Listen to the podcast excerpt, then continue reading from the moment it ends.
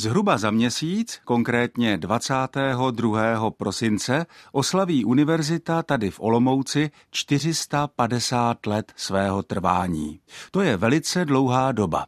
Starší než Olomoucká univerzita je u nás už jen Pražská univerzita Karlova. A za takovou dlouhou dobu, za těch 450 let, co je v Olomouci univerzita, se samozřejmě hodně změnilo i ve světě jazyků a jejich používání. Chtěl bych se dnes podívat na stopy, které na staré Olomoucké univerzitě zanechala čeština.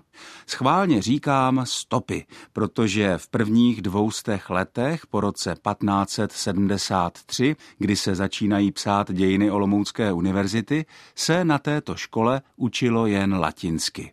Univerzita měla tehdy snad ještě mezinárodnější charakter, než má dnes. Když se podíváme třeba na seznam rektorů Olomoucké univerzity, tak vidíme, že prvním rektorem byl Španěl. Jmenoval se Hurtado Pérez, což je jméno, které už samo o sobě vzbuzuje jakousi autoritu. V seznamu rektorů následuje dlouhá řada jmen německých a francouzských, ale už asi po 50 letech, v roce 1622, se rektorem Olomoucké univerzity stal zjevný Slovan. Jmenoval se Jiří Meridies, tedy vlastně Ježi Poedně, a byl to Polák, který pocházel z Glivic, z města, které je nedaleko nynější česko-polské hranice a konečně roku 1633 se rektorem Olomoucké univerzity stal Blažej Slanina z Jindřichova Hradce, mimo jiné matematik, logik a fyzik. Nepochybuji, že jméno Blažej Slanina zní sympaticky snad každému z nás. Olomoucká univerzita byla na sklonku 18. století dočasně přeložena do Brna a pak se do Olomouce vrátila jako liceum a také v podobě lékařsko-ranhojičského učiliště. Zrovna tam bychom sice češtinu asi moc nečekali, ale přesto. Používala se tam a ne málo. Roku 1806 bylo totiž nařízeno přednášet česky na lékařsko-ranhojičském učilišti umění babickému. Šlo o to školit porodní babičky, tedy specialistky, kterým dnes říkáme porodní asistentky.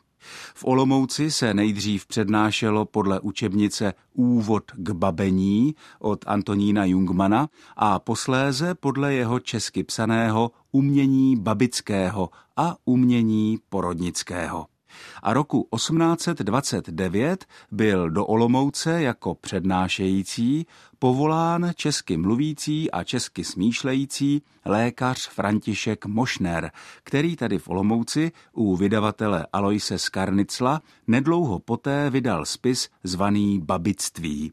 To vše se dělo v době, kdy český život v Olomouci dřímal a bylo to proto velmi záslužné. Mimochodem, tentýž František Mošner vydal také knížku s titulem Pěstounka, čili vychovávání malých dítek mimo školu.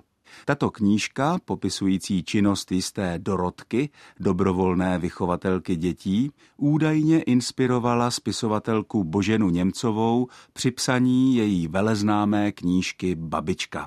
A je příjemné vědět, že i takový vzdělanec, pěstitel češtiny a vlastně influencer, jako byl František Mošner, žil a pracoval po určitý čas v našem městě. Od mikrofonu z Olomouckého studia Českého rozhlasu vás všechny zdraví Ondřej Bláha.